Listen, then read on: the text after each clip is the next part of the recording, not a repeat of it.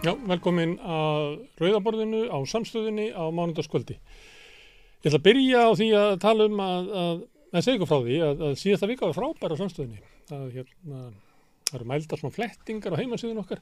Það voru upp um 90%. Þeir sem kom inn og lásu frettinnar okkar, þeim fylgjaðum 88%. Áhorfið á YouTube jógst um 68%. Áhorfið á Facebook jógst um 86%. Uh, niðurhal á podcastun okkar hækkaði bara um 12% sem að ég ætlum að minna ykkur á það að við erum á hlaðvarsveitum þið getið gert áskrifundur á þáttum samstöðan meðal annars rauðaborðinu og nú erum við að breyta þessu aðeins þannig að þið getið bara valið samstöðun í heild og þá fáið alla þættina sem við búum til inn í, í hlaðvarpið ykkar undir samstöðun. Það var svona frábær vika í síðustu viku og ég þakka öllum sem að tóku þáttu því, sérstaklega þeim sem er að styðja okkur, uh, nýjir áskrifundur, þeim fjölgaði líka kom inn tveir eða þrýr okkar minnst að degi.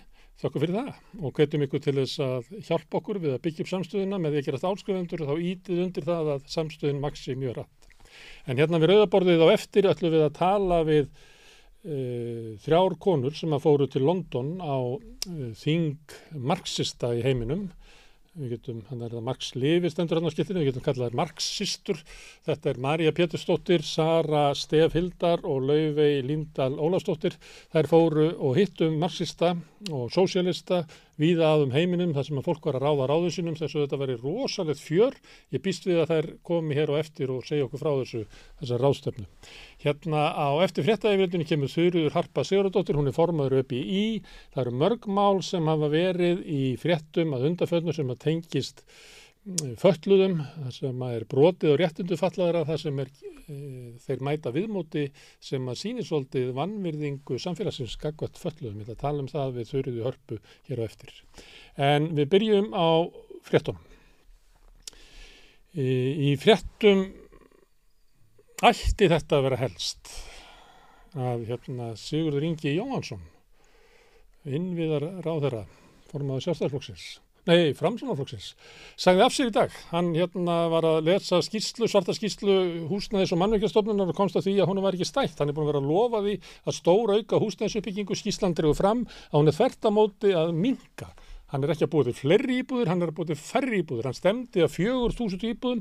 Það stefnir í það að bara á fyrstu þremur árunum vant honum meira en fjögur þúsund íbúður í að uppfylla hann sagði af sér, sagði það að það komið tími til einhver aðri reyni, ég, mér reyndi, mér mistókst og það var komið önnu frétt Dagur B. Eggersson sagði líka af sér í dag hljóttum að vera með mynda honum einhver staðar Já, hann er hann, hann sagði af sér vegna þess að í sömu skíslu kemur fram að Dagur ætlaði með Sigurði að stefnaði að hafa 2000 nýjar íbúður á ári í Reykjavík, þær eru valla að ná yfir 700 Eh, með sama áframaldi þar sem að húsnæðsum afningastofnum segir að verði tilbúið í Reykjavík á nýjum íbúðum, það eru já, um 2000 íbúður. Þannig að á þremur árum verða til íbúðunar sem að eh, Dagur B. ætlaði búa til á einu ári.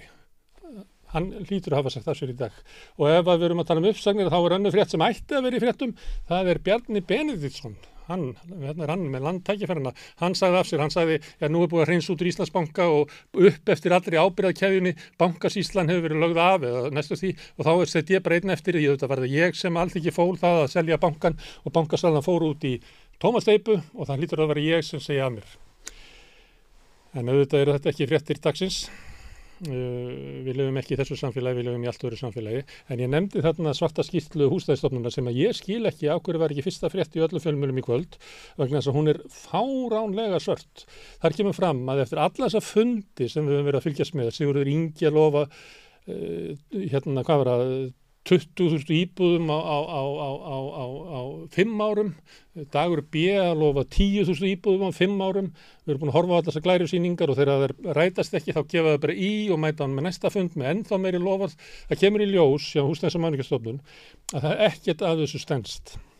Það stefnir í það að framleyslan á nýjum íbúðum á næstu árum í ár, ár 2024 og 2025 verði minni heldur en í svona meðal ári. Við erum að tala um að það veri framleyst svona áleika mikið íbúðum á, á Íslandi og var 2002 eða 2003 síðan hefur íbúðum fjölgað um 40-43% en það var framlega hjátt mikið íbúðum. Þannig að öll þessi lofur það var fallið. Við vorum enda með gröf, ég veit ekki hvort að vera með þau úr skýslinni. Já, þarna sjáu þið, þetta eru árin frá 2001 og uh, grænusúlunar eru spá húsnæðis og mannvíkjastofnunar hvernig staðan verður í ár á næsta ári og það næsta ári og þið sjáuð árið 2025 og dræðið bara línun eftir þá erum við að, að fara að sjá jaftmikið nýjum íbúðum og þegar þjóðin var kannski ja, 150.000 færri sem að búa byggu á Íslandi þá heldur nú. Við erum annagraf sem að sýnir stöðuna eftir byggðalögum og þar sést Reykjavík, þar er ef við fáum hana heila mynd af, af súlunum, það er bláu súlunum, það er Reykjavík. Reykjavík er, var alltaf svona tveir þriðju af höfuborgarsöðinu þannig að í eðlilu árferði ættu bláu dökkbláu súlunar sem er Reykjavík að vera helmingi herri heldur en ljósbláu súlunar sem eru sem sagt, restin af Reykjavíkur, Reykjavík. En það liggur við að Reykjavíkur súlunar séu svona kannski bara 75% af því sem er er í kraganum sem sýnir það að Reykjavík er svo langt, langt undir því sem eðlert getur talist og langt undir því sem að dagur lofaði. Hann lofaði 2000 íbúðum og þarna sjáum við að í síðast árinu þá er þetta detta niður fyrir 700. Þannig að húsnæðiskreppan sem er að, að, að grafa undan íslensku samfélagi og það er ekki bara ég sem að segja það, allir verkefnisfóringja sem er komað ynga, allir stjórnmála með vita það að húsnæðismál eru mikilvægstum mál í íslensku samfélagi og þau munu grafa undan félagslegum stöðuleik í samfélaginu, valda því að næstu samninga verða eiginlega óviðráðanlegir að, að það sem að, þessi ráðamenn hafa verið að lofa að þeirra það bætur þessu, það er að þver öfu að gerast, ástandu eftir að versna ennþá meira uh, og miklu meira heldur þið geti ímynd okkur höfumlega vegna þess að íbúum heldur áfram að fjölga, það er 3,6% fjölgun á íbúum á fyrsta ársfjölgi þessa árs á sama tíma og það verið að draga úr frambóði nýs, nýra íbúða sem voru of fáar fyrir.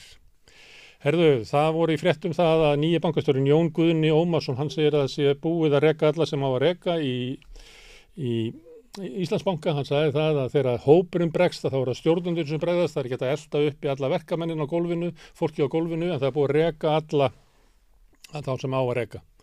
Og, og hann er skýr með þetta. Og Birna Einarsdóttir, hún hætti á aðfaranótt miðgutdagsins, við munum það, ég held að það sé næsta skildi.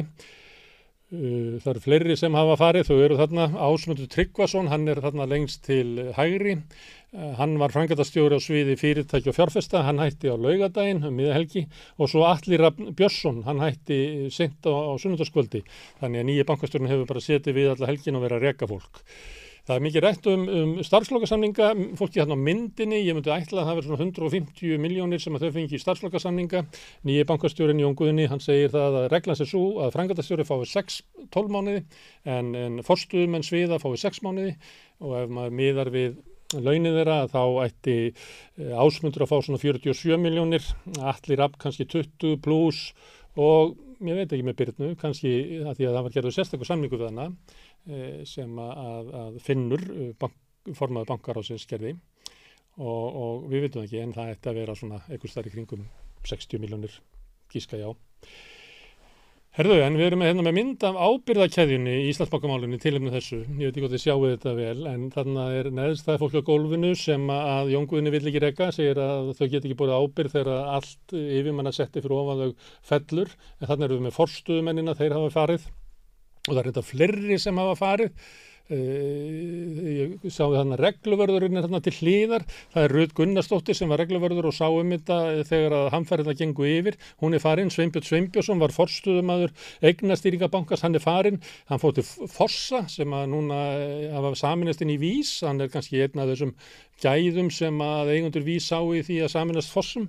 Og Yngvar Arnason hefur líka hægt, hann var forstuðumadur verðbrefa miðlunar Íslandsbóka, þannig að liðið forstuðumadur og frangatastjóru og bankastjóru farið og regluvörðun farin og svo erum við þarna með stjórn Íslandsbanka, ég er með mynda þeim á næsta skilti, eh, stjórnina, þar er formadur stjórnar Finnur Árnason og varaformaður er Guðrún Þorgestóttir og svo er þarna eitthvað svona fólk Ari Danielsson sem er þarna í næri rauðinni lengsti vinstri, hann mun örglega ekki halda áfram. Hann er af þeim sem smegðu sér fram í á reglunum og keifti þó svo hann væri stjórnamaður í bankunum en þetta fólk verður til endur kjörs á í lok uh, mán, uh, þessa mánadar á aðalfundi bankans eða hlutafundi sem eru búið til ég veit ekki hvort allt þetta fólk verið til endurkjörs, kannski flestaðum hérna, hætti og, og bjóðu sér ekki fram, en það má búast við hreinsunar á því.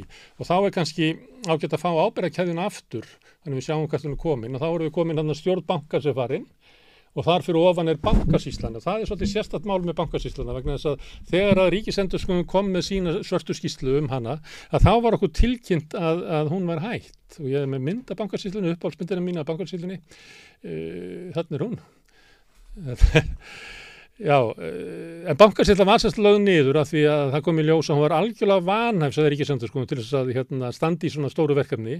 En þetta er þetta bara eitt menn sem að vinna þarna og vita allir þetta er bara gerfi, þetta er umlega Bjarni Benediksson stýrir þessu og þarna er einhverju menn sem eru svona guy eða eitthvað fyrir útbyrðis að það að henda þeim fyrir strætón eins og sagt er. En, en bankasýtlan hefur enga burði til þess að standa í svona floknu út, útbóðu eins og raunin var á og það varu fréttir einmitt um þetta að að, þetta færist alltaf næri næri bjarna að það voru fréttir uh, um hérna svona vörninu um bjarna, það voru byrtust allt í einu svona ummæli, mjög hörð ummæli stjórnaþingmanna sem að kröfðust þess að fá að sjá starfslokasamning byrnu einastóttur eins og það var einhvern veginn meginmálið í Íslandsbankasölunni.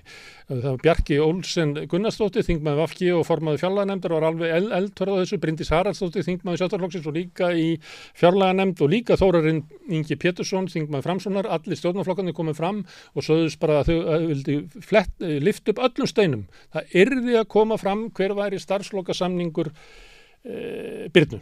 En þetta er sama fólkið og neytaði algjörlega er þið sett á rannsónanemndu í þinginu til þess að rannsaka hlut Bjarnar Benediktssonar í Íslandsbákasölunni og krafa almennings alveg frá uppafið. Ég tók þátt í mótmálum hérna fyrir rúma ári þegar að, hérna, komu fram hverju voru það sem keiftu Íslandsbanka að það voru með þetta skildi, Bjarnaburt, Spillingunaburt. Þetta voru alltaf verið krafa almennings. Almenningur alltaf vita það að það er þannig að sá sem að tekur að sér eða er falið af alþingi að sjá um sölu á banka og bankasalan klúðrast endilega, það er sá sem að byrja ábyrðina.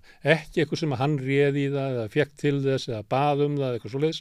Það er sá sem að alþingi byrður um. Talandu um mótmæli, það logar allt í Fraklandi þegar kannski tekja eftir því. Uh, þetta eru mótmæli sem að spunnust út af því að Lörgland drap ungan mann, arabískan mann, uh, skautan þar sem að satt við stýri og þá spruttu upp þessi mótmæli og maður getur veltið fyrir þess að hvað er þessi mótmæli, við vorum svolítið að skrifa um þetta á samstöðinni mótmælinn í Fraklandi, það er náttúrulega ekki hægt að horfa á einstaklega mótmæli, heldur verður að horfa á þetta sem kæðju, það er umvel að búa að vera viðvarandi mótmæli alveg síðan 2017 þetta er svipa ástand og Íran, Íran að stjórnvöld geta bara þetta niður í smá tíma þetta gís upp og tilumni getur verið mismjöndi, nú er það morðið á sem dreng, áður var þetta eftirlunafrumvarpið, þar áður voru þetta hérna, hækkun á, á bensínsköttum þar sem var verið að leggja á svona lofslagsskatta sem að bytnuðu harðast á þeim sem hafðu minstan peningin og svo þarf fram til göttunum. En e, á sömuleiti má líta raunverulega á Frakland sem svona land sem er hérna e, í svona einn svona herkvi. Það eru stjórnvöld sem að sífælt eru að setja í gegn einhverja ákvarðanir sem ganga þvert á vilja almennings eins og til dæmis eftirlunamálinu og öðrum málum sem að ríkistjórn Makrón hefur að setja skattalæklingar til hennar ríku, uh, hvernig þið gengur frá lofslagsgöttunum og svo framvegis. Það er alltaf verið að reka ofan í kokið á almenningi, einhver sem almenningu vil alls ekki og almenningu rýs upp og þá mætir bara lauruglan, breymvarinn og ber nýður upplýstina. Þannig er ástandið í Fraklandi og talandu um svona ástand að þá eru sorglega fréttir sem að berast frá Ísrael, það er Ísraelski herin undir, já ég veit ekki hvað að kalla þetta, fasistastjórnini sem þar er, þeir bara drefur alla fórustu uh, palistýrumanna, alla sem að reyna maldi móin, alla sem eru að berjast fyrir sjálfsögum réttum sjóðarsinnar og þetta fólk er bara drefið og myrt.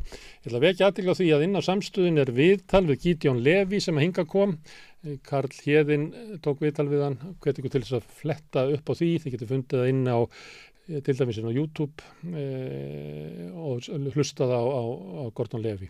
Þetta er viðtal frá því á förstu daginn held ég, e, hann hefur verið í fréttanum núna í öðrum miðlum um helgina og núna síðast í kvöld. Uh, annað sem er, uh, það er frétt inn á samstöðinni sem er reyndar byggð á, á grein sem að Marín Þórsdóttir skrifaði inn á vísi þar sem voru að mótmæla þessum fullriðingum um að sko flóttamenninni séu að, að veikja hér alla innvið og grafa undan þeim sem að, að Bjarni Berendisson og fleiri sjálfstæðsmenn og raunverulega fleiri stjórnmálamenn hafa verið alltaf fram undanverið. Hún er að benda á það að, að flóttamanna ströymurinn eða aukning flóttamanna Ég tala ekki um við, eins og við hefum gert hérna á samstöðinu, við tökum sko úkrænumenn frá sem að eiginlega enginn ætlar að fara að loka dyrunum á eða Venezuela flottamennunum sem eru hér í sérstöku bóði í sjálfstæðarflokksins og er bara sérstaklega vandamál sjálfstæðarflokksins að þá er svo lítil aukning og aukningin er meðal annars að því við nefndum Ísraelin áðan að það eru fleiri palestinumenn sem eru að flýja skiljanlega en ef þú tekur aukninguna á fjölgu flottamanna að þá er það svo sáralítið að það er eiginlega frálitt að tala um það í samhengi við aukið álág innviðina. Og aukið álág innviðina er út af ferðamannasprengjunni við sögum líka frá því á samstöðinni ef þú tekur, gistu, ef við tekur gistinætunar þá getur við reiknað með því að hverju nóttu gisti uh, svona 38.000 ferðamenn í, á Íslandi í, í, í júli og það verið farið upp í 40.000 að miðaltali í ágúst. Og þetta suma dagana slæri þetta kannski upp í 45-46.000 Ísland er ekki, er ekki uppselt fyrir að slæri þetta upp í 50 pluss en þetta er álægið og þetta er mikið til hérna, aukning bara á allra síðustu árum. Þetta fjallniður í COVID en er komið langt umfram það sem áður var fyrir COVID. Þarna er álægið á innviðan okkar og ekki bara frá ferðamennunum sjálfum heldur öllu fólkinu sem hinga hefur flust til þess að sinna ferðamennunum skúra herbyggin þeirra, elda matið þeirra taka borðanum e, búum rúmin og svo framvegis Þetta er fyrst og fremst aukningin á innviðina en eins og margir hafa bent á, til dæmis Gilvi Sóvögg, hagfæraðarprófessor, þá er ekki verið að innnemta skatta að ferða þjónustunni þrátt fyrir þessu ofurþenslu, það er ekki komugjöld á Íslandi, það er ekki gistinátagjöld, Eh, það er eh, meiri segja skatt, eh, virðisökkarskattur á ferðarþjónustunni, hann er í lagra þrepi, bara 11%, gæti verið 24%, þannig að við getum fengið hellingapenningum inn til þess að byggja binnviðina sem að er að svigna undan álæginu út af ofþenslunni í ferðarmannþjónustunni, en við gerum það ekki. Herðu, við ætlum að spyrja, eða ég ætlum ekki að spyrja, Karl Hjeðin ætlar að fara hérna út á götu og spyrja fólk um hvort þið finnist þér ómikið ferðarmannum í Íslandi og eftir það þá kemur Þurður Harpa hingað inn í stúdíuð. Finnst þér fjöldi ferðamann að vera orðin of mikill á Íslandi? Við ráðum ekki okay. til þetta. Þetta er of mikill? Finnst þér of mikið að ferðamennum á Íslandi? Nei, það er bara fínt að hafa á sko. Finnst þér þú persónulega verið að græða því að, á fjölda ferðamanna? Eh, kannski ekki beint sko, en náttúrulega græða flestur að koma penningur inn í landi sko. Finnst þér of mikið að ferðamennum á Íslandi? Eh, nei, ekki beinlinis, en mér finnst of mikið af þeim á ákveðnum stöðum. Það er að segja að við dreifum þeim ekki nóg um landið. Það þýðir að þeir eru sjálfur að upplifa sig í kraðaki á þessum helstu stoppstöðum. Nei, ég held að það sé nú hefilega mikið núna en við þurfum að passa okkur. Þú hefur áhyggjur að við séum að fara á gist. Nú er átlega að það komið 5 miljón ferðamanna 2025. Já, ég held að það sé kannski pínu bratt að ætla sér að fá 5 miljónir ferðamanna einhvern tíman í framtíðinu sko en, en þetta er alltaf læginn svo þetta er í dag. Finnst þér við Ísland verið að græða á ferðamennunum? Finnir þú fyrir því persónulega? Nei, skinnið á nú kannski ekki alveg beint en ég þykist vita að við erum að hagnast talsvert á þeim. Er útlendinga andúð að verða vandamál á Íslandi, heldur þú? Ég veit, nei, ég held ekki. Ég trú ekki að nýtt sé svo illa þróskaður að hann sjá ekki að þetta er það sem koma skal. En það þarf að hafa hömlur á þessu. Við vitum hvernig þetta er í Svíþau, við vitum hvernig þetta er í Danmarku við sjáum þetta og við, það eru heilu hverfin. Það er ekki gott. Nú, nú komu inn 17.000 uh, innflytjendur í fyrra sem komu ynga bara til þess að fá vinnu og, og svona en, en við vorum með 3.000 flotta manns eða flotta menn uh, sem þeirra hafa ekki fengið atvinnuleifi á meðan hinn er 17.000 fá strax atvinnuleifi og koma að vinna.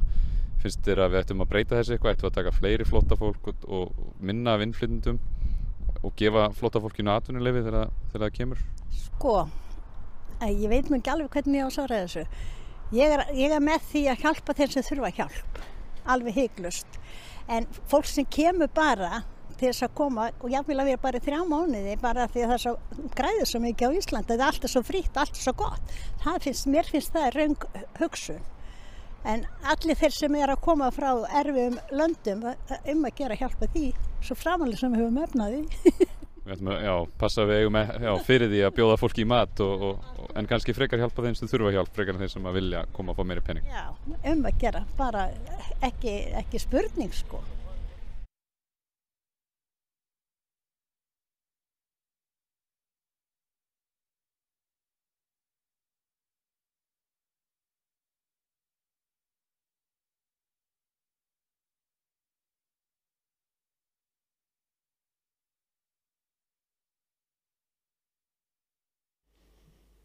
Já, hingaði komin Sigurður Harpa Sigurðardóttir, formaður Öryggjaballarinsins.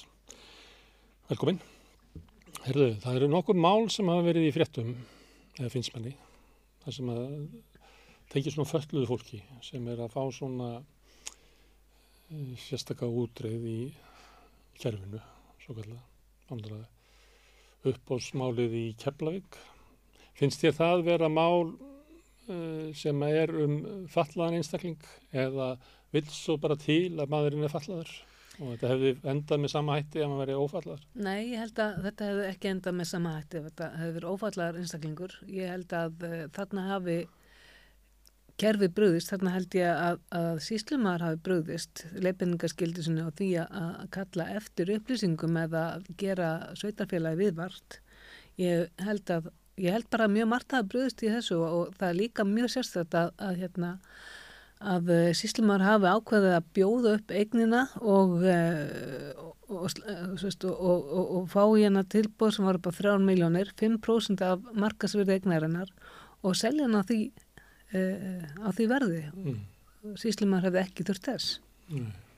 Þannig að það, þetta er bara mjög skrítið mál. En er það vegna þess að ungi maðurinn, hann er fallaður, að síslumæður hefði átt að gæta sín sérstaklega? Hann hefði átt að gæta sín sérstaklega, hann mm. hafði hérna ákvæðana leiðbynninga skildu og hann hafði líka í raun og veru hérna, skildu við bara að við fjölskyldana, við mannina að gera, uh, gera sveitafélaginu viðvart ef að fjölskyldana eða maður eru ekki sjálfur að gæta hagsmunna sinna að það sé einhver sem að gera það mm. þannig að svo ég sé einhver lögfræðingur eða, eða lögulærið þessum málum en ég veit þá allavega það að það er hérna að, að, sveita, að sístumar hefði haft, geta haft aðrar leiðir heldur mm. þær sem að uh, Þannig að embættismannum og þeim sem að vinna inn í kerfinu ber að gæta sérstaklega að því ef að fólk er fallað. Ekki Já. láta bara eins og allir séu hérna, eitthvað svona ímyndað norm. Já, þetta er náttúrulega bara... Því heldur berðum að taka til þess að það er ekki allir eins. Þeim ber að gera það og sérstaklega það sem að uh, viðkomandi hafði ekki virt uh, neitt varand að greiða af þess, þessi löfmyndu hérna, gjöld ja.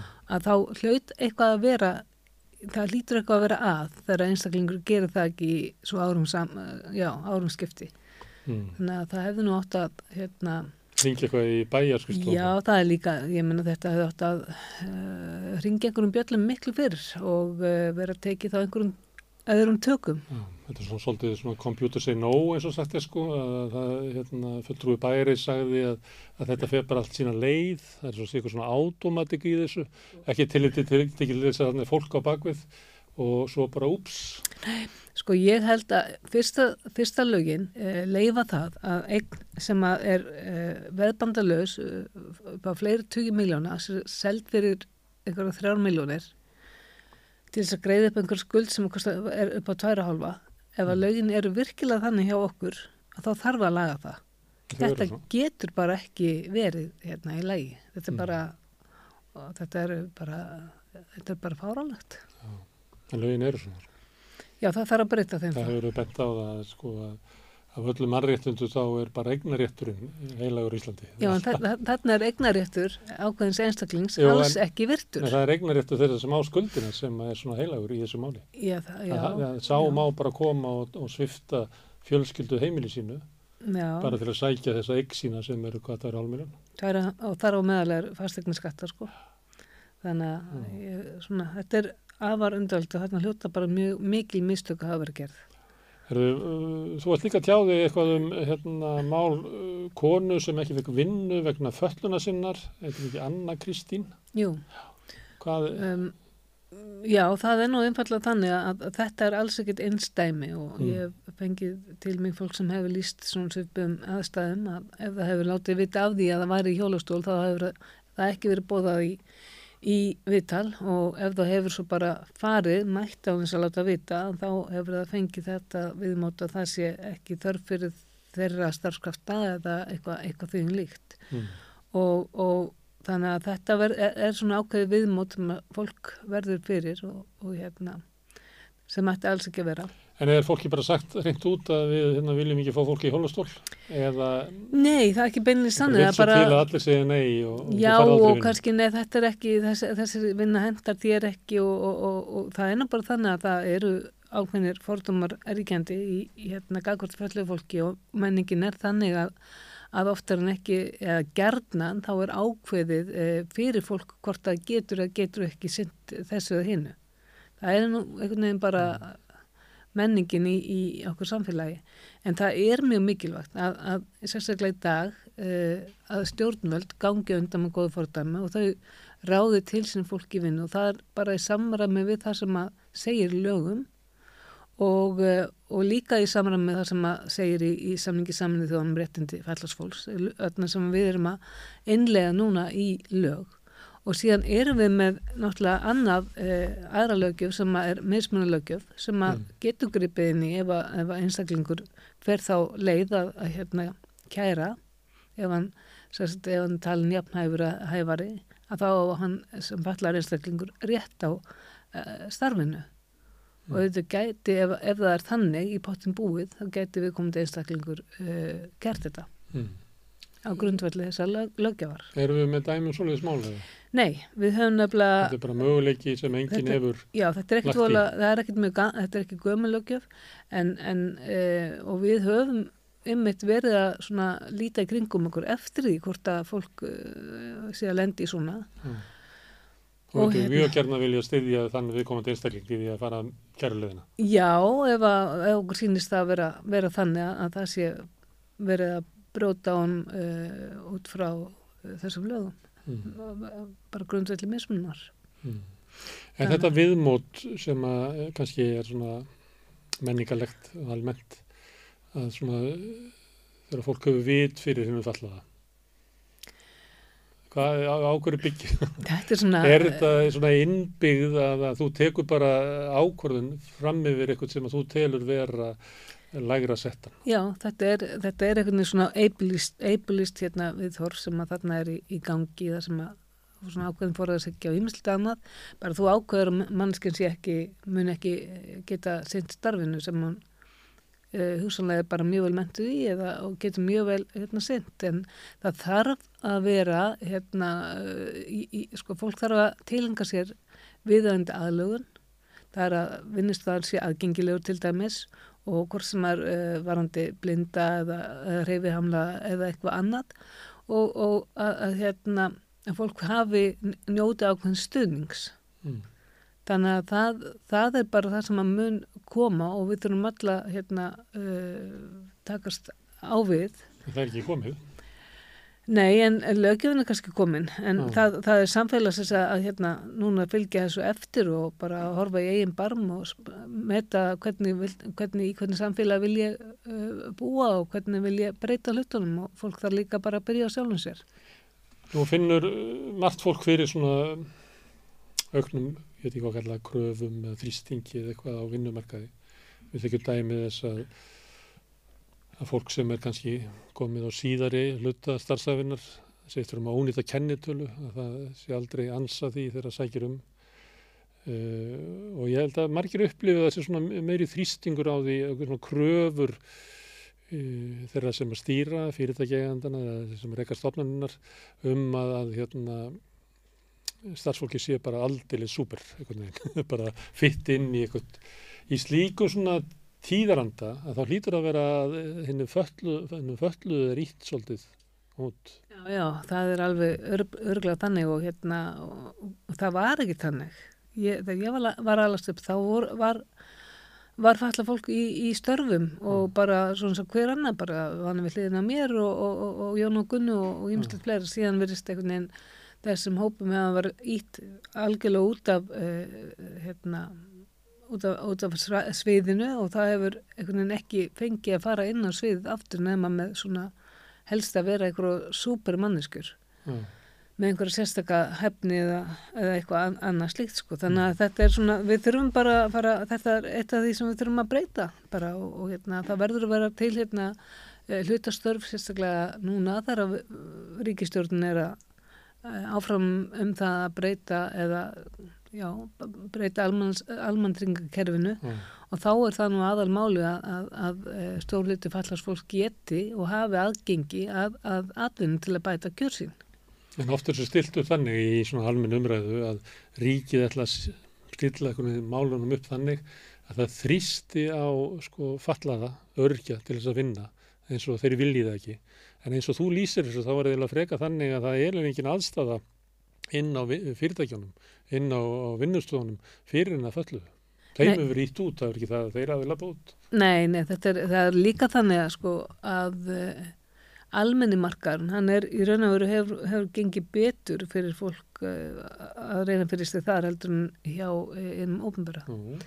Og það er eiginlega, það skýtur skökku við þar sem að það beinleins kemur fram í lögum að, að þið ópenbæra eigi að, að hérna, uh, til dæmis að frekar ráða þann sem er fallaður ef hann hef, hæfur eða jafnhæfur.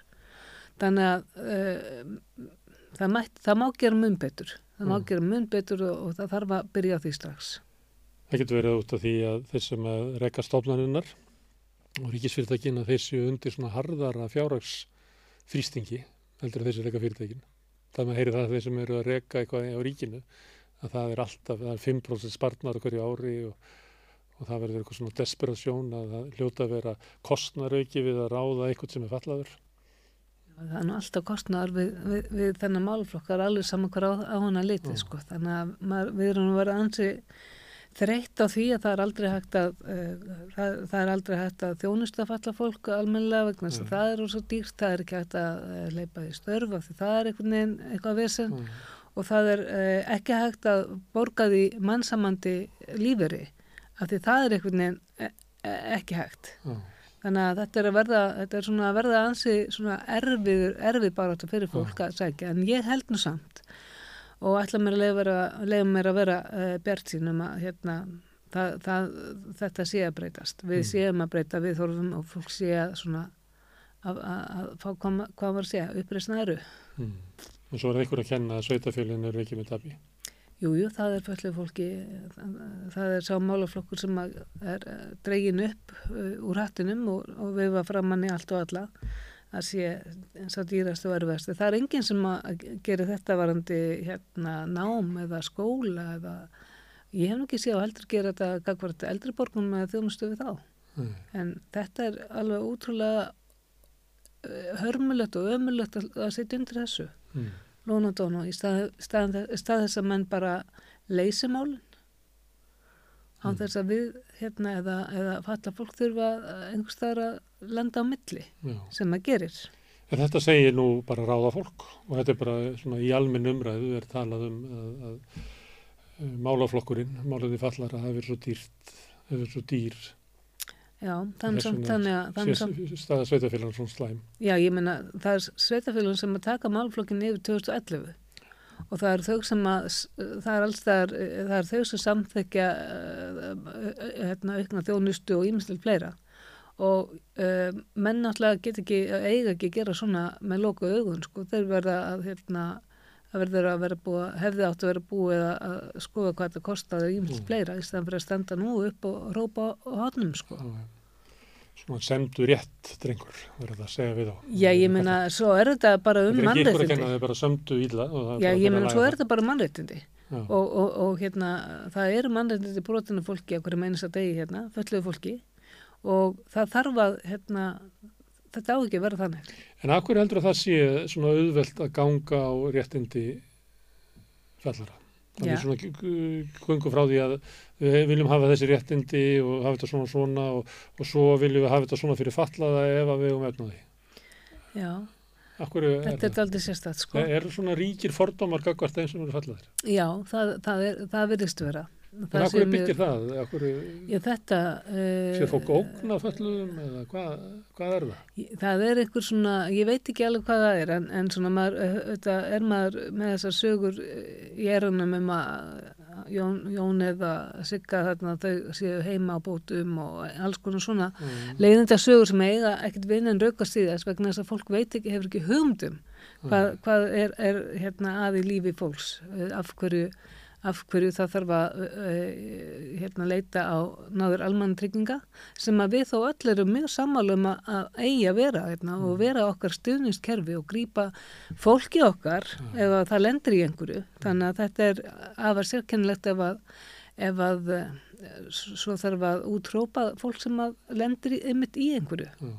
Nú er við að bera sjúkdóminn eða föllunina og tekjumissin sem að því til er þetta fólks ekki að bera einhverja fyrirlikningu náungana. Nei, það er, það, er, það er alveg rétt og svo er náttúrulega líka það að, þessum hópi, hann, hann, hann, lifir nú einhver selda lífi, þetta er fólk sem er fátækt alla efina inn á, hérna, örgulífir eða almannatryggingum og fer svo bláfátækt inn á elli lífirinn og, og, og tapar þar með um leið og kemur þar inn yfir, yfir, yfirleitt allir þjónustu af því þá einhvern veginn uh, hættir að vera það hætti að vera fölluð. Það hætti að vera gömul. Þannig að Er það er það margt sem þarf að laga hérna í þessu samfélagi, það er alveg, alveg ljóst og, og sérstaklega í þegar það kemur að málöfnum falla svóls. Þú veist að í umræði sumstaðar er oft tengt saman málefni flóttafólks og öryrkja og þessu sér að, Já, ég menna, inn, að tala um, um þetta með að fólk sé að þykjast að vera eitthvað að og þessu svona, svo séu svona afætur sem að hefur bytnað á fölluðu fólki. Það hlýtur svona að kannast svolítið við hvernig það talað um flóttafólkið. jú, jú, en sko, í hópi flótafólks er líka fallafólk. Já. Og, og eins og bara í öllum öðrum hópum samfélagsins, þannig að, að ég held að, að hérna, flótafólks er ekkert ofselt og við erum auðvitað að taka vel á móti fólki og við erum að hérna, sjá til þess að það sér, sérstaklega uh, flótafólk að það hérna, geti uh, fengið þann stuðning sem það þarf inn í sveitafélagunum. Mm. Þannig að börnin komist í skólana og fái almennilega kennslu og, og, og, og, hérna, og fullarinn fólki líka. Mm.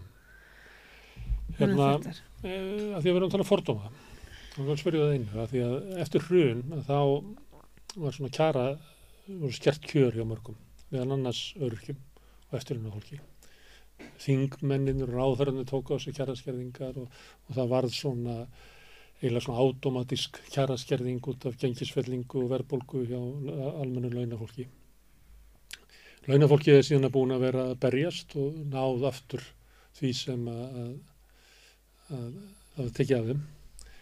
Þingmennin er að fengið að margvalt tilbaka það sem var tekið af þeim, en, en ekki þið. Nei, við gerðum hérna, letum aðtöðu þetta, eða skoða þetta Mm. komast skýrsla 20 2021 sem síndi bara fram á það að staða uh, öryrkja var nákvæmlega svo sama um 44% öryrkja á- árið 2009 átti mjög erfitt með að láta endan á saman og bjó, byggu bara við fátækt sömu sögu var að segja árið 2021 þannig að það síndi það bara að það hefur nákvæmlega ekkert breyst þrátt fyrir bara heilmikla baráttu á öllum þessum árum sem að liðin er fyrir hruni.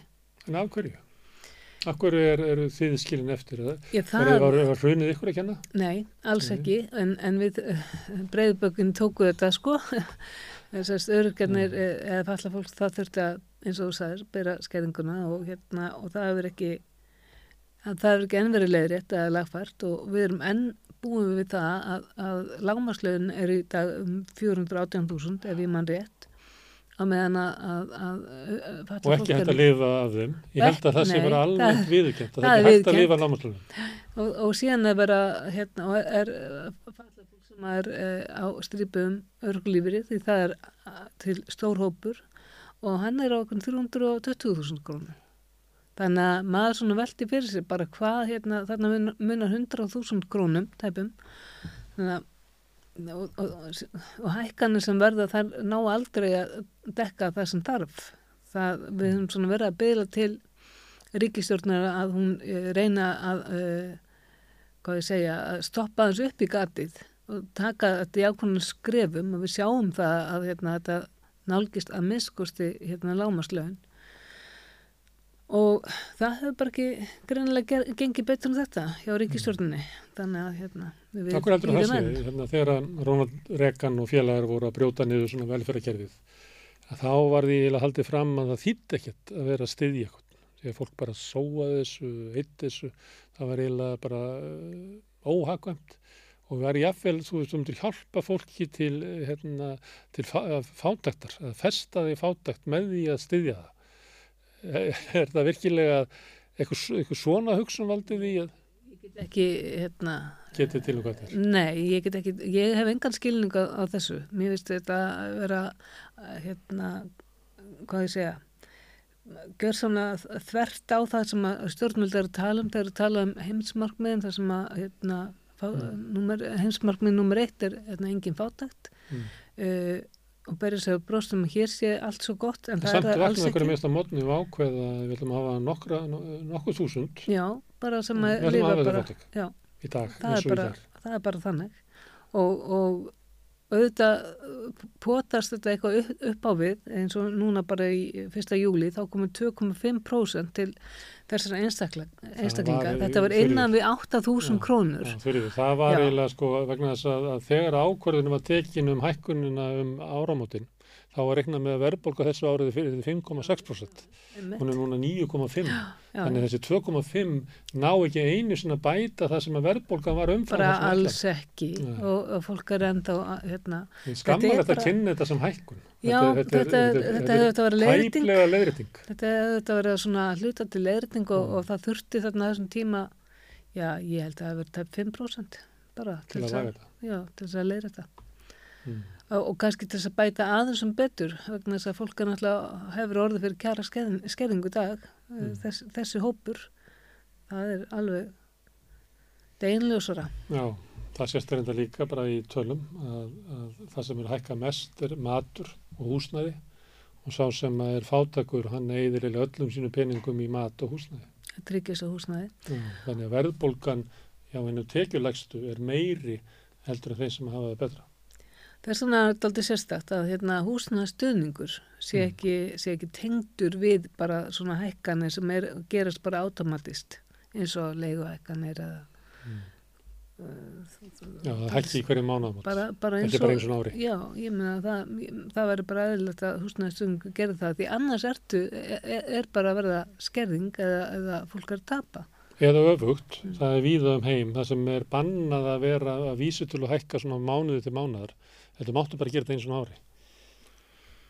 Já, Það þarf eiginlega að vera annað kort. það þarf að vera Það annarkort getur ekki verið að uh, uh, lei, leigusalinn geti hækkað um hverju mánaðamót en húsnæðisbætunar hækja bara einu sinni því að þá er alltaf svona, þá er leigjandinn alltaf að taka á sig. miklu eðlilega Já, mikið eðlilega og, og hérna, betra fyrirkomlega og, og ég meina fyrst að ég meina eins og falla fólk það fær e, launahækkun hugsanlega Mm. kannski einu svona ári í janúar þannig að okkur ekki allir aðri líka.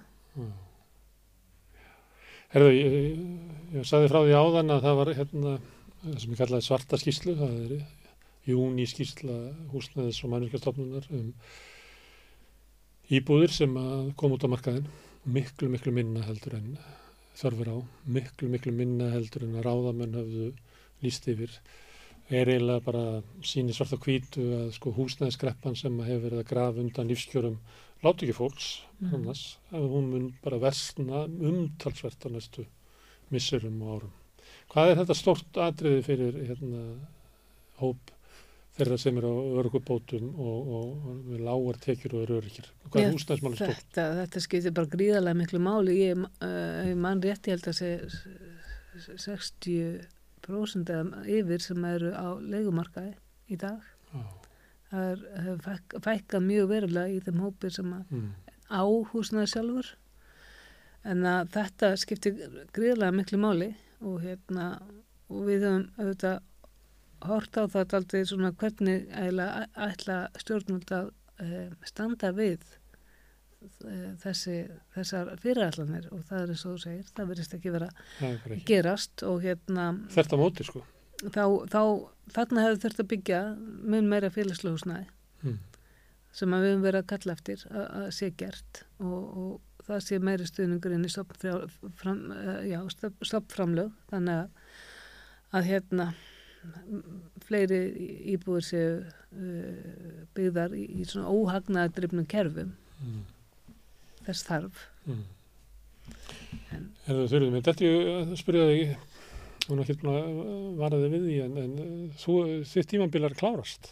já, Þú ert bara örfa á mánuði eftir í þessu störfi. já, ég hérna klára uh, 7. oktober Þetta að hafa verið mikil lífsreynsla að vera í þessu störfi.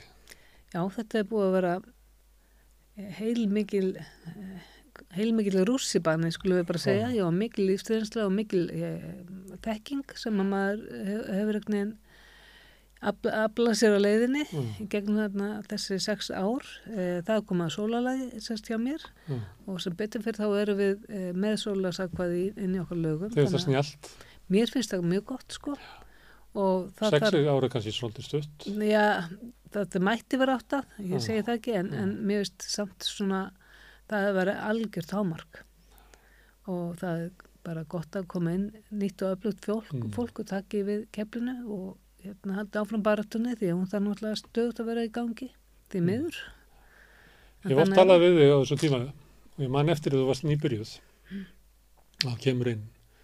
Og svo fannst mér, svona næstir ég talaði við þig, það fannst mér eins og sko starfið væri bara að bara kolvast yfir þig einhvern veginn. Að þegar þú kemur hann inn og, og heyrir að, hérna, hvernig hópurinn hefur það og það fannst mér eins og þú væri bara að sökva sko, undan þessu. Já, og svo, sá, svo, svo sá maður þig svona hægt og bítandi svona búm, búm, búm, búm, búm koma upp. Og ég hugsaði að sá sem að fer hana niður og tekur þetta svona djúft inn á sig en nær einhvern veginn að komast upp aftur það verður mikil barðamannskja þannig að ég ætla bara að segja að ég já, fylgst, með þér og fullur aðdán því að ég held að það sé ótrúlega erfitt að labba þarna inn á skustofuna og átta sig á því hversu illa hópurinn stendur og hversu margt þarf að gera og síðan hversu baráttan er erfið og, og eiru stjórnvalda bara lókuð.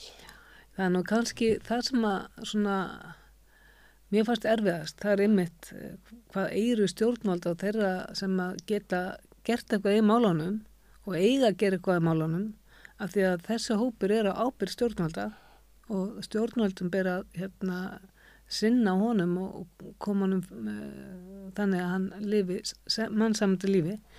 Að það er, það, mér, ég held að mér að finnist það mjög, uh, og það er lang erfiðast að sjá þetta sinnuleysi og einhvern veginn uh, að enginn gerir almennilega neitt sko, til þess að lagfæra og breyta þessu í, þannig að sem er Ég- óskiljanlegt svona bara- mannlega já, að, fólk skrítið, vera, sko. að fólki skuli ekki vera hjálpað. En- Það er erfitt að skilja það bara sem manneskja en svona er En ég náttúrulega líka kannski bara að bjóa því að, að ég eh, trúði alltaf að, og mér, mér var alltaf sagt að velferðarkerfi okkar væri bara besti heimi Mm. og trúði því að við þú dast nú sjálfur gegnum það ekki. Já, ég trúði bara því að við by- byggjum við bara mjög gott kerfi en Mm. þar til að maður fór sjálfur í gegnum og vaknaði uppi það að það var bara bísna brotætt og alls ekki eins gott og örugt eins og maður held það væri. Það svona, og sérstaklega var það að horfa upp á uh, almanntryngakerfi okkar, strengja neti svo lágt að fólk uh, einhvern veginn sem lendi þar í því neti og fór, fór neðist að það mitti sig bara því, veist, því að það held ekki og, og hérna. Þannig að þetta, það er ímislegt sem að má laga hérna í okkur samfélagi til, og, og, og ég meni að meðan við nærum fátakt og uh, höldum fólki einhvern veginn frá tækifærum og við sinnum ekki um ungmenni sem að eiga erfitt í skólum eða, eða að koma þeim betur, betur hérna, til aðstofar að þá erum við að framleiða uh, öryrkja, við erum að fram, framlega falla fólk sem að nýtist á ekki eins og skildi samfélaginu okkar og við erum að tapa því alveg gríðarlega mikið.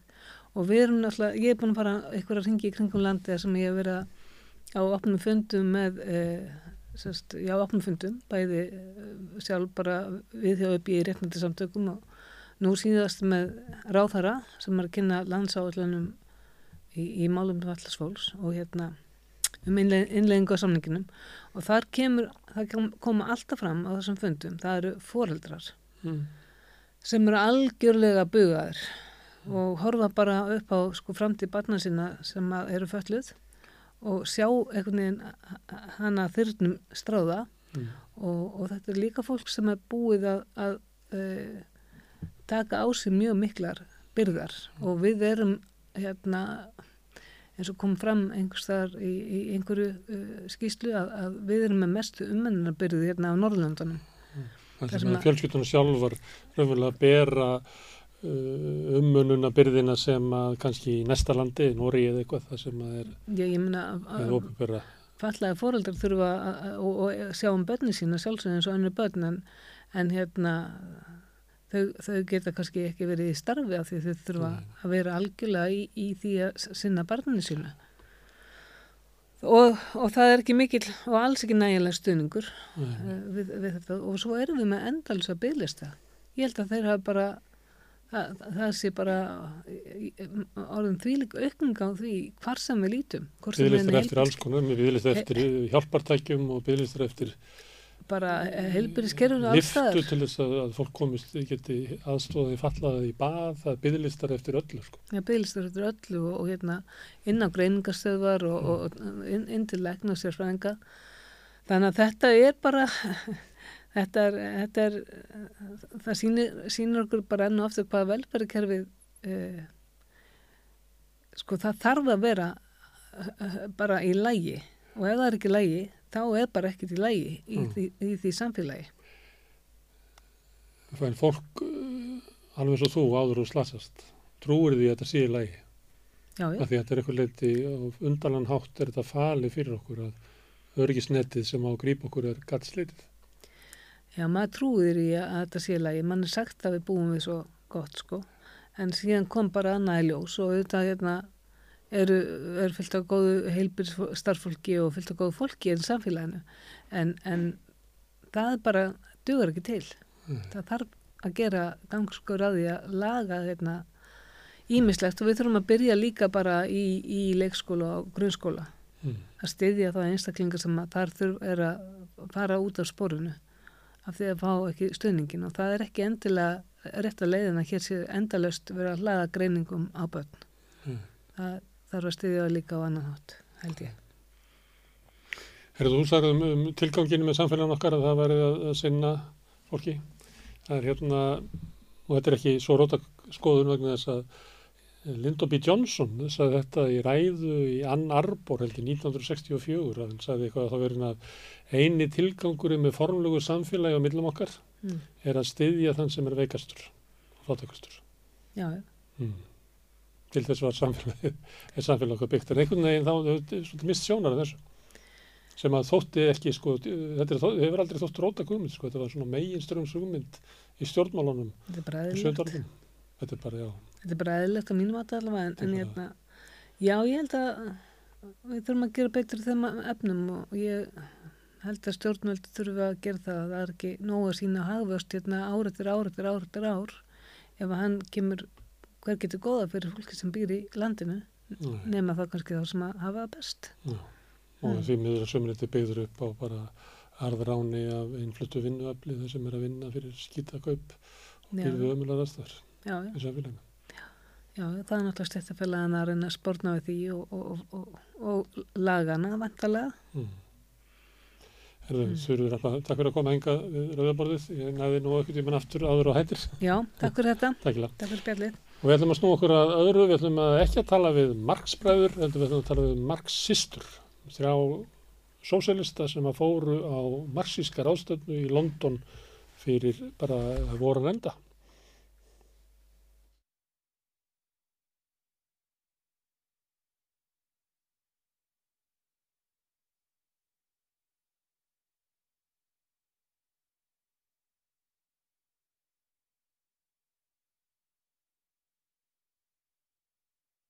Herri, þá er komið að því að ræða um uh, Karl Marx. Ég sá á Facebook um daginn að, að Hannes Holmstedt byrti mynda sér á leiði Marx. Hann hafði farið að heimsækja leiði hans og var að fagna því að hann verið lungu döður.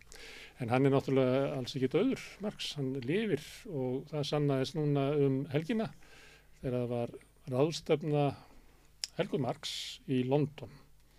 Og þanga fóru sveit frá Íslandi Laufey Lindan Ólafsdóttir, Marja Pétursdóttir Sara Stef Hildar Þið fóruð á þessu ráðstöfnu Já, og var gaman þetta var agalega gaman. það var bara alveg Fóruð Max á lífi Í, á, eins og þú segir, Já. í hjörtum. í Hjörtum. Já. Já, en það var samt sko, það var, sko, það, mér fannst svolítið gaman að það var ekki svona eitthvað verið að fókusera eitthvað rosalega mikið á kallinn sko. Meira bara... Það voru ekki textaskýringar í löngum máli á sundarsmótni Nei, það, Nei, ekki, þú veist, það var ekkit eitthvað verið að tala um hans æfi eða lífslaup eða neitt Nei, nei, svoleiðis. Nei. Heldur bara, hérna, svona anda þess sem að hann bóðaði eitthvað neginn mikið meira. Já. Og Má ég byrja á að spyrja, hérna, þeir eru haldin ráðstöfna um Marx eða um marxista ráðstöfna Hva, hverju koma það? Sósialistar, já, marxistar. já, Já. Og aðgerra sinnar. já, uh, óbúslega, eða bara, já, aðgerra sinnar allstað frá og fólk úr hérna, hinsegin og transhreyfingunni, uh, fólk úr svona flottamanna uh, aðgerra sinnar, uh, fólk sem er að berast í málum flott, flottamanna um, og bara fólk sem er jafnvel að, að svona skoða sósialisma af því að það er bú- búið að fá upp í kók af uh, þeirri kreppu sem að það lifir við í dag í Brellandi. Já, þetta er náttúrulega sko ráðstefna sem að, veist, það er bara, þetta er ráðstefna skipulögð af Socialist Workers Party í Breitlandi. Mm. og, og sá flokkur, eða svo hreyfing, vinnur bara, einmitt, svona breytt á félagasamtök, alls Já. konar hópa með verkalýsfélögum og það voru raunverulega fulltrúar eða fólk úr þessum félagsköpum sem að, að mæta þarna á þessar ráðstefnu. Mhm. Öllum baróttu tækjum aldrei Já, já, já, einmitt. alls þar á heiminum? Alls Já, þar á Já, heiminum. alls staðar úr heiminum. Um, það var ekki svona eitthvað einn frá hverju landi eða eitthvað svoleiðis, heldur bara einmitt svona til- tilviljun kannski hvaðan fólk kom svolítið. Já, En hérna, en þetta er ráðstefni sem er haldin og hefur verið haldin sko hverju ári síðan hvað 1983 eða eitthvað alveg, ég hitti einmitt þarna unga konur sem að sagði mér að hérna fóreldræðanar höfðu alltaf farið með hana þangað þegar hún var lítil sko. og hún var öruglega, hún var öruglega í kringum tvítugt þessi ung kona Mm. sko. Mhm. þannig að þetta er, Okay, En það er kannski ég, rétt að geta þess líka sko, þetta var, þetta var mörg þúsund manns þarna saman komin. Mm. og þannig að sumi fyrirlestarsalinir hérna eins og ég var nú að posta á meðan ég var þarna. Þannig eins og fyrirlestur uh, Janis Varoufakis og Alex hérna Kalonikas búið fram hjá mér. Mm. þar voru sko byðröðin var ég veit ekki hvað löng og það voru yfir 500 manns sem að Mm. sáu þann fyrirlestur Já. Þrátt fyrir tap vinstrisins í kostningunum fyrir skömmu síðan í Grílandi í Greiklandi, já. já, já, já, já. sem að var að fækist þetta fengi meðal hans. En að ég ætlaði ekki að minnast á Hannes Holstein, ég bara gerði það óvart. Já. Segjum að við varum að spyrja fyrir hann. Mhm. Að þegar þið horfðu svona yfir salin, mynduðu segja að þetta veri reyfing sem væri á góðu lífi eða voru þetta gamlir kallar Nei, með, nei, nei, með nei, þetta er ungt flösu fólk. í tvítjakkanum sínum? Þetta er alveg rosalega mikið ungt fólk Já. Og unglegar bara hóp, hópur sem var bara svona hérna, var teimið bara bara teimið sem og þetta að var raunverulega, já, þannig að það eru með er selur út um allt Breitland og það já. kom mikið af þessu unga fólki Já. En auðvitað var mikið af gömlum uh, félögum hann líka, en ég myndi segja já, Hannes, er þið kannski hissa á hvað þetta var? ég held að hann er mjög hissa Um, bara fjölbreyttur Breiður hópur, sko, já. Svona á jöfn aldurstreifing, myndi ég segja. En mjög mikið reyndar af ungu fólki. fólki, já. En um hvað var rætt? Hvað er, hérna, um hvað er baróttan?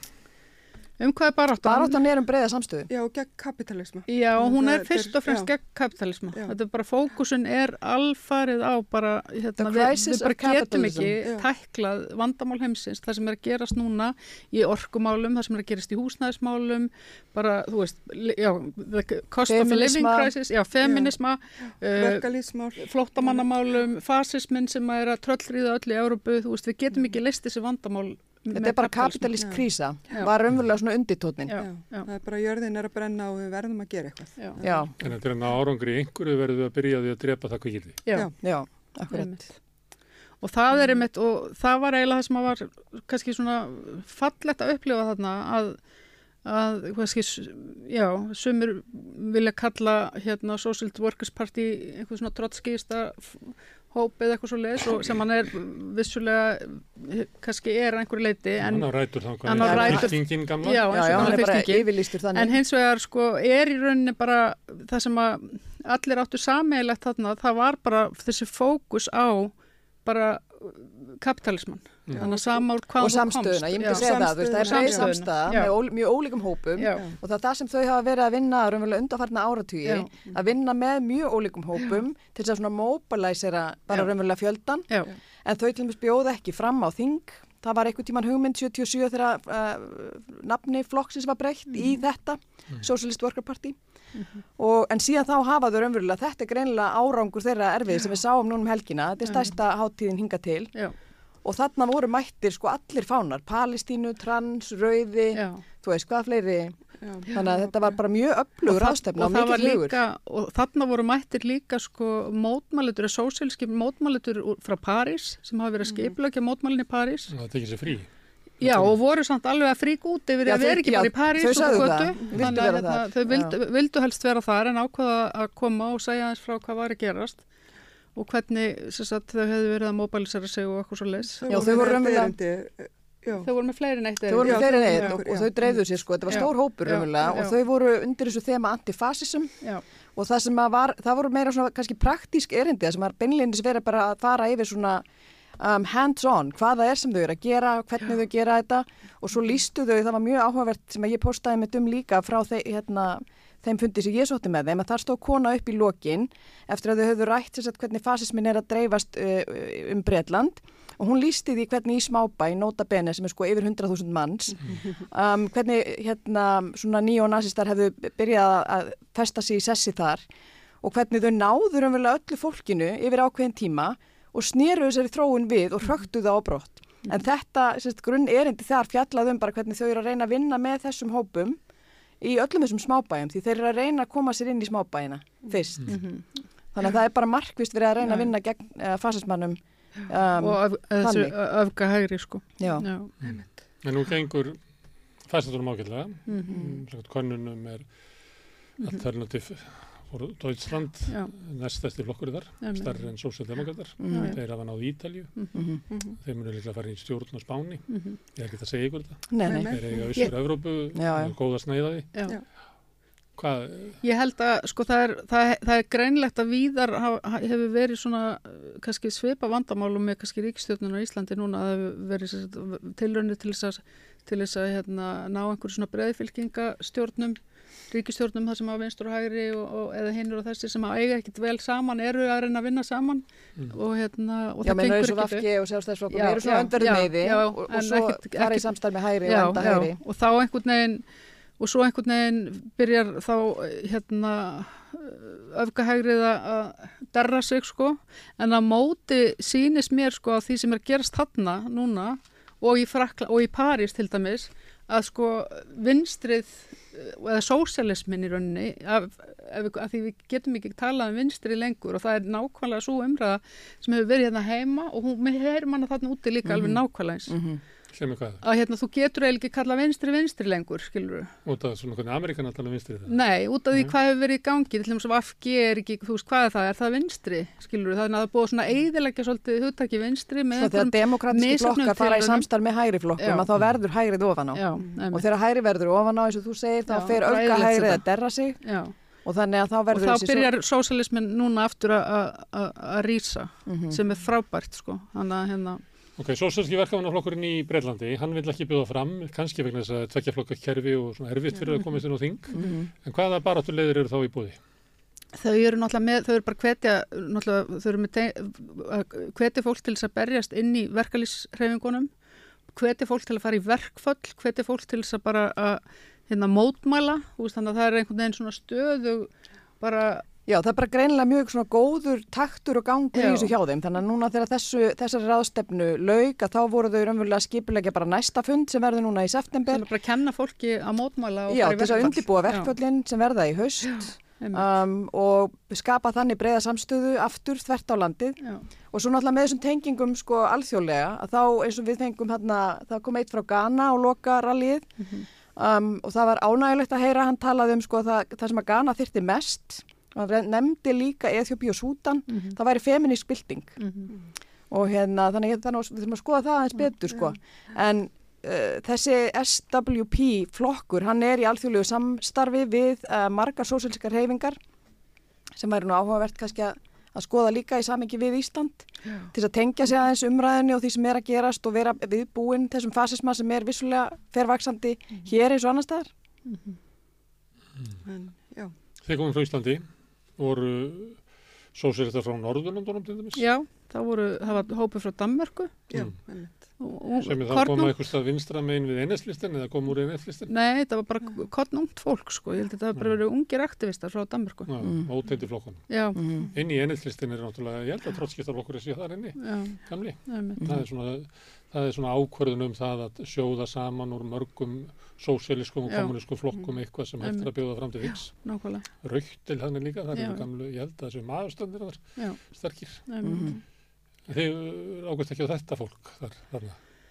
Ekki, Eh, Ekki svona- ekki, sko ég held að Dan, danski, dansku krakkarnir hafi verið einu uh, sem að, svo var alveg stórhópur af þjóðverjum, Mm Eh, Austuríkismönnum. já, austuríkismönnum, Mm um, Svisslendingu var það ekki, voru ekki frá Sviss einhverju líka, Já. eða var kannski bara austuríki og svo var fólk alls þannig, já, Ástralíu, Chile, Hollandi, Ítalíu. bara, já, við, þetta kynntust konu já, frá Serbíu, við Já. kynntust, kynntust konu frá hérna, Íran. frá Íran, uh, þannig að já, bara, já, þetta var náttúrulega því að þetta var líka svona uh, flæði, þú veist, þetta voru einstakir fyrirlestrar, þannig að fólk var svolítið á hreyfingu. það var að til hérna, já. já, þannig að við kannski mynduðum engin svona rosalega sterk tengsl en maður hitti og talaði við samt alveg svona fólk frá ýmsum. Já, það var það líka sko. sem að vakti aðtegli okkar sko líka hvað þetta var brjálæðislega vel skipulagt. Já, Mm. einmitt, þetta, Þetta var var bara, bara gekk svona- bara eins og hérna, smurð maskina, sko. Algjörlega. Alveg Síðan bara alltaf líka hvað mjög, þetta búið að ganga lengi. En þið komum frá Íslandi þar sem að sko baróttan er svona svona. Mhm. Já, já. Uh, Hvað, nesti komum við tilbaka, hvað er það sem að íslensk alþýða ætti að gera?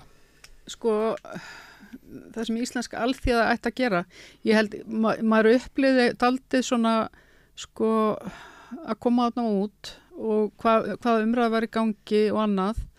Ég uppliði allavega svona eins og um, það væri bara rosalegur svona heimáttagangur í Íslandingum eins og það má, má alltaf segja að verið sko sósialismi á Íslandi ennþá, Mm. þrátt fyrir að sósialistaflokkurinn sé búin að vera til í mörg mörg ár, að það er einhvern veginn um, og bara við finnum mjög, mjög mikið fyrir því til dæmis sem sósialískir feministar að innan feminisman erum við bara svona það má ekki segja sósialíski feministar það er svona, þú snertir helst ekkit á þeim sko, þannig að hérna fólk einhvern veginn áttar sig ekki á hvað það er held ég eins og Nei, ég held að, ég, að ég held að hérna- þetta sé bara jafnvel, hérna, svona afleðing af nýfrálsíkju frá Já. hérna, nýjunda áratögnum hér. Já. Ég, ég meina, er kannski bara ákveðið meðvindaleysi svolítið hjá já. hérna stórum hluta fólks, þú veist, sem að hefur bara hvernig var þetta, grætt á daginn og grilla á kvöldin svolítið Já, og ákveði bara að þú veist að sé hérna fulltrúa líðræði sem að sjáu bara um að, að hérna sortira málinn fyrir þau og það skiptir svo sem ekkert öllu máli að, að vita hvernig það fer, ég menna svo lengi sem að þú bara átt fyrir mjölk og brauði og húsnæðislánunum þínum og svona, Já. þannig að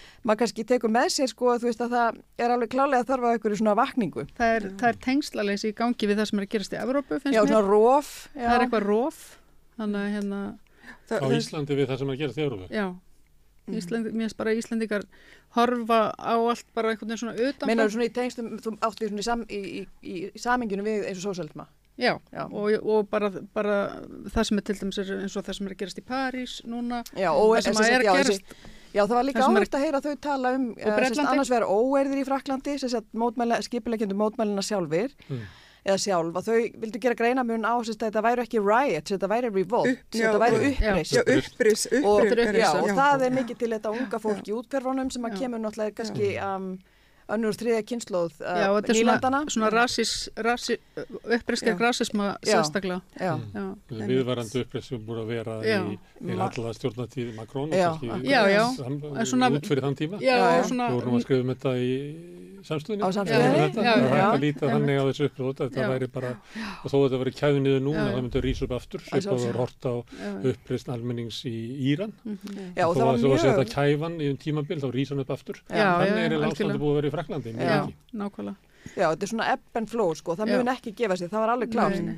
En það þeir mátti alveg- um frakkarnir að svo hefði þetta svona farið á svona rosa flug í, kring, í tengslu við bara hérna, eftirlaunalögin sko og svo núna náttúrulega bara út af þessu uh, drápi lauruglunar á ungu manni. Já, nú er þetta bara orðin eitthvað svona algjör krísa, þú veist, og að vissulega hafi verið kveikjan hann með ellífurinn og Já. lífsgæði Og fólks. þar áður var eh, náttúrulega gulvestúkarnir sem voru að einmitt. skattlegningu Já. sem að bitnaði fyrst og fremst á. Einmitt. Nei, það, það sem mér fannst hérna, svona mest svona valdeflandi við að fara þarna var að þarna, þú veist, heyri maður uh, sem sagt, máls, þú veist, málflutningin sem að við vorum til dæmis með í kostningabaróttunum okkar. Og þarna heyri maður, þú veist, bara fólk hérna koma með þessi sömu, þessar sömu hugmyndir, þessi sömu rök. Allt Þetta er fólk allt sem er- allt í henni er þú normal. Já, allt í einu, þetta var svolítið svona, maður var bara, þú veist, já, heyrðu, það er einhver annar að segja þetta. Bara nákvæmlega sama þannig að þetta var hérna mjög Er það, er bara það gott að upplifa það gefandi því að vera í já, hópi með fólki sem Já, bara fyrir það sama sér og já. maður átt að segja því að maður er ekki já, og einmitt bara þú veist, fólk, ganga svolítið mótmæli. akkurat og bara þú veist eins og til dæmis umræðan um stríði í Úkrænu þar sem að þú veist er verið að benda á þú veist að þarna eru þú veist heimsvaldastefna að berjast við heimsvaldastefnu þú veist Já. þetta eru þú veist og það sem við erum að berjast fyrir er friður Já. Já. við erum ekki að taka hérna hliðar Einmitt. og En, einmitt, já. þe þetta er eitthvað sem að, til dæmis er mjög lítið rætt og líka bara í húsnæðismálum minna, við já.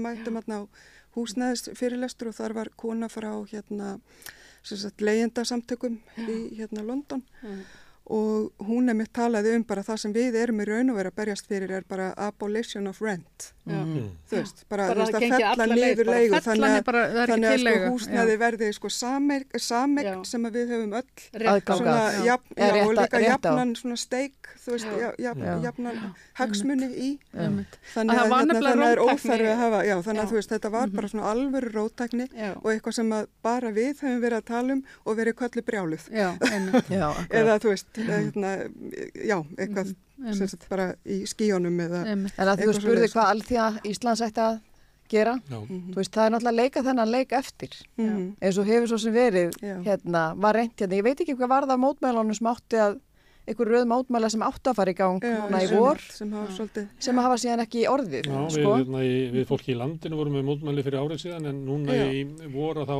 var það, hérna, Ástalóa og Ragnar Þór sem að slóðu fyrir mótmælum. Já. Þannig að En sko það var héldum trommað upp svolítið. Já, já, það var búið að tromma það svolítið upp og svo voru þarna stökmótmæli en svo, og svo önnur þar sem var nú ekki endilega góð mæting. En auðvitað er þetta það sem þarf að leika eftir þá til þess að skapa vakningu og, Einmitt. og hérna því fólk er að pæla í þessu. Ég þekkti fólk sem fór á bæði í mótmælin um, sem furðaði sig mitt á samsetningu hópsin sem var aðna, þú veist það var ekki húsnæðiseigendur þau sem væri að borga fastegnalánunum þannig að það þarf að ná einhverju góðu skipulagi eins og maður sá klálega hjá þessum flokki skipulagi þessar aðastefnu og hjá þessum frönsku skipulegjundu mótmælina að þar er bara hérna rosalega það sem að það krefst bara rosalega samstöðu og samvinnu að ná svona breyðum takti, þú veist. Einmitt. Hérna fyrir einhverju síðan þegar Corbyn var formaður í verkamannafloknum og Bernie Sanders var að bjóða fram í, í bandaríkjónum það má náttúrulega kannski tala um Melanchon líka í Fraklandi en það var eins og væri svona sósialist svona bylgja Mhm. að sömuleiti þá hefur hún svona gengið tilbaka að, að kratarnir í verkamannaflokknum bara tóku Corbyn og pökkunum saman og söldu Bara honum í aflífaður. tunnu Já, já. og Aflífaður. bara gengur frá honum Mhm. Uh, og svo eins og ég var nefna áðan að uh, hérna, eftir hrun að þá var Podemos í, í, á Spáni, vinstri populískur flokkur sem hefur verið kallaður. Syriza í, á Gríklandi sem hann hafði góðum árangri sem hafði kallt afhróð í kostningunum núna. Mm ég ætla ekki að berja ykkur niður leðu komið það sem ég er eiginlega að spörja um hvort að, vegna þess að þetta fer allt í svona bylgjum sko. Og einhvern tíma kannski var hérna Corbyn, hérna Sanders Bjartsýnin, ja, var kannski vantað eitthvað innistæði í hana sko að það væri hægt að breyta þessum hryllilugu flokkum innanfrá e, Sáuð þið eitthvað svona vonum að sko leiðin út væri þarna? Ég held bara sko fjöldin sem að er að mæta núna á þessa ráðstöfnu, þetta er haldið á hverju ári og aldrei verið jafn, vel mætt eins og núna. Ég held að það hljóta að segja okkur eitthvað. Mm. Já, því byltingin gerist ekki á stuttum tíma, hún gerist á löngum tíma, þannig að nú er aftur, bara eins og þú varst að segja aðan, ég meina það, þetta gengur svona ebb and flow, flóðufjara Já, þannig að nú er greinilega einhver stígandi Nú er hún róttakari. Já, ég meina þessi ráðstefna er bara vísbending um það Já. þannig að nú er, eh, nú er lag að taka þennan tag Já. Kom nú svona róttakari gröfur. Já, ég meina það er ekki hægt að hætta við eða sko, við getum ekki Fella niður námslánin, fella niður leiguna, Já. Já. koma bara skapilegt bara- samfélag. Þetta er bara nóg Algjörlega. búlsett, Já, þú veist, algjörlega. það já. Ég, held líka, sko, þau, þau náttúrulega töluðu líka um það sama og við, að það eru náttúrulega, uh, þú veist, flokkarnir náttúrulega hafa bara valdið vonbriðum, sérstaklega flokkarnir á vinstrivagnum. En, en hérna, þau, þau töluðu líka um það að það væru samtalið einstaklingar innan flokkana sem væri hægt að vinna með svona um einstök mál. Nú, nú hljóðar það hérna, Já, einmitt og það er, það er einmitt. En, Ég hef ekki þessa- akkurat, já, hef ekki þessa Nei, ég veit að þetta hefur kannski verið einhverju sem ég var á, sko.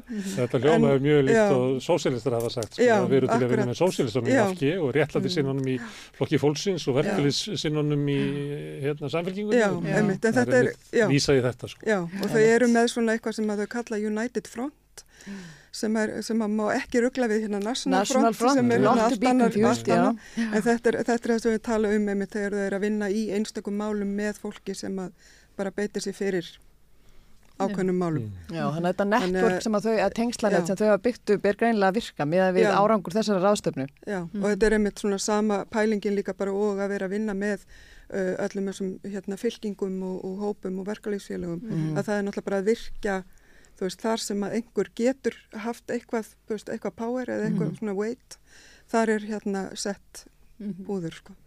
Þannig að Þannig bara til þess að ná málum. Já, Já, það var nú Já, verið að það skoða var- á það var verið að kalla Já, eftir því að það var koma til Þannig við Íslands. myndum halda svona Já. ráðstofnu fyrir Já, að reyna. já, það var einhver Já, sem að- vildu, að- það er allir spenntir að koma til Já, Íslands. einmitt. Mhm. Ég man nú ekki hver það var sem var að Nei, það um var það var já. sem að sagði, eru þið ekki með ráðstöfnu Mhm. Þannig að það er alveg pæling, sko. En ykkur fannst þetta gaman svona persónulega. Þetta er eins og styrraðsprauta. Já, Já, já, þetta er bara, svona pólitísk, pólitísk styrraspröta sko. Þetta er rosa gott samengi. já. Já. Mm. Já, en, en við eiginlega samhengi. þess að það hefði verið fleiri Já, með við okkur, sko. saknaðum þess, bara við fattum Það bara, hefði verið, já, Og þetta, þessi flokkur, sem sagt, þarna SWP, þetta er svona alþjóðlegu flokkur, svona internationalistar. mhm. Ég meina, já, það lítur að make a sense, sko. talaði um að, Workers of the world unite. já, Ég, bara við, ég held að við munum sko agitera fyrir því og hvetja fólk innan sko sósælstaflokksins til þess að mæta bara, það, það verði bara hópur eins og kom frá Þískalandi, hérðan og þaðan og svo hittust þau öll þarna, þekktust sum, sum ekki, að það komi bara Já. fólk, Já, já, já, það var, þannig að það þarf að skipulegja svo leiðis, Já. klálega. klárlega. já, en, er ekki svona, ef maður drefur þetta saman, er þetta ekki gamla svarið sem er alltaf spurt hérna, hvað hefur að gera? Þá er það hérna organize, organize, organize. jú, nákvæmlega, Jú, ykkur, bara get organized og Það er jú, það. þetta er gamla, einmitt, en ég minna, þetta Já. er, þetta Það er ekkit annað hægt. Nei, nei, Já. einmitt. Þetta er svolítið það sem að svona, já, Solveig Anna og félagar mhm, hafa verið að gera. já, og ég kannski fæði að nefna það að hann var þarna hann Chris Smalls Mm. Sem að sér sagt hérna er núna leittói hérna Amazon hérna nýja verkalýsfélagsins Já, í Og New York, já. það var mjög gott að hlusta á hana því að hann svona fór í gegnum bara hvernig þeirra barátta hefur verið. Mhm. þú veist þau náttúrulega bara byrjuðu einmitt að því að þeim bara ofböð hérna sem sagt, já, meðferðin eftir sérstaklega í COVID þar sem að sko hérna allir voru að veikjast og hérna og fyrirtæki var bara að nýta sér í raun og veru sko ástandið og meðan þau voru að móka inn þú veist alveg miljörðum sko og meðan Mhm. allir voru að vesla á netinu en hérna sko ég, ég held að hann sé bara svona svolítil vonar stjarnar í hérna verkalýsbaráttu allavega í Mm. bandaríkjónum sko.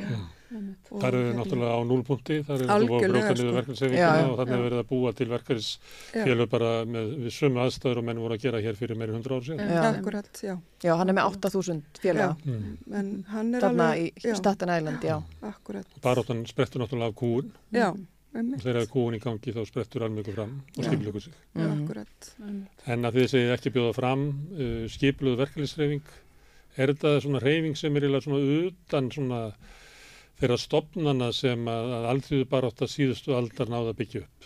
Uh, hefur almenningur mist völdin yfir þeim? Það er náttúrulega verkamannaflokkurinn ef hann náttúrulega stopnaði bara verkefnisreifingunni þetta Mhm. í Breitlandi og, og mörg verkefli, eh, það voru reyndar fréttir af því, ég held að rétt áður þau fóruð út, að þá voru mjög róttækir sóslistar að ná tök völdum í, í stóru verkefnsfélagi Mhm. sem eru utan, eða sérst, vel vinstra megin við verkefnislokin, við verkefnalókin. Mhm. Í Breitlandi, já. Þannig að svipað og gerðist hér í Já. eflingur. Eflingu. Já. Mhm. Mm. Ég held að, hva, hvaða verkefliðsfélag var það, mástu það? Nei, ég, það var einna, ég manna ekki, Já. Einmitt. Það er sko, já, Já. Ég held þetta sé svolítið all of the above sko. já. er- það, var, var er- þarna, einmitt, það var þarna fulltrúi frá, eða for, forma verkefliðsfélags uh, eða, eða, eða þeirra sem eru í sem sagt, verkfalli í eitthvað ekki lít, nei, í hann að hvaðan, hvaðan komið, skóli, skólanir sem eru, háskólanir, Já, í Brighton, Í já, það voru já. háskólakennarar. háskólakennarar í Brighton Já, sem er í sem að verkfalli. eru í verkfalli, bara algjörlega ótímabundnu verkfalli, Já. sem er búin að vera í einhver tíma Já. Mhm. einmitt. og hérna þannig að, en já, það, þannig að og það komu og það komu þarna einhverjir líka þingmenn og, og allavega þingmenn frá, frá þessum flokki í, í hérna Skotlandi, þannig að það er alveg þau eru með tengingu inn í hinn og þessi verkalisfélög og, og, og reyna að fá fólk til þess að tala sem hefur náð ára, árangri Mhm. þannig að það er líka náttúrulega partur af þessu en, en jú, þau eru ekki beint inni í uh, flokkum sem er að bjóða fram þannig, Nei. en svona með tengingu inn í, inn í það Mm. eða, já, Mhm. þannig að Já, ég held einmitt að þetta sé svolítið, þú veist, þau eru svona svolítið bara ásveipaðri línu við að vera allstaðar. Já, einmitt. Uh, þú veist, að, það, þú veist, það hef, þjónar alveg einhverjum tilgangi að vera í, þú veist, hefbundni, hefbundinni pólitek líka en ekki eitt og sér. nei, veist, og, það og það fix. einmitt að, að, að missa ekki tengslinn við grassóttina heldur. já, sko. Herðu, þetta var sem sagt uh, starfsfólk í almannaþjónustu innan Unison sem er stærsta verkefnisfélag Breitlands, Já, þar já, sem að rótæki sóslistar já, voru kjörnir, já, ok. svo að það sé sagt. Já. mhm. Herðu, þá bara áfram með baratuna. já, fram með. Takk. Þetta eru lokin á Rauðaborðinu í kvöld. Við verðum með rauðt borð hér á morgun klukkan 8. Við hvetjum alla til þess að hjálpa okkur að byggja upp dreifikerfi. Það er gert með því að læka síðurnar á Facebook og á YouTube. Hvetjum okkur til þess að kíkja á Rauðaborðið og samstöðun og fleiri þætti sem eru í hlaðvarpsfleitum. Uh, Þið getið fengið þetta í síman eða hvað sem þið hlustið á hlaðvarp. Þau sem að vilja styrkja samstöðuna með fjárhagsstuðningi geta gerst áskrifundur á samstöðunni. Það kostar 2000 krónur og þeir sem eru áskrifundur eru jáfnframt félagar í alþjóðfélaginu og eiga samstöðuna. Takk fyrir í kvöld.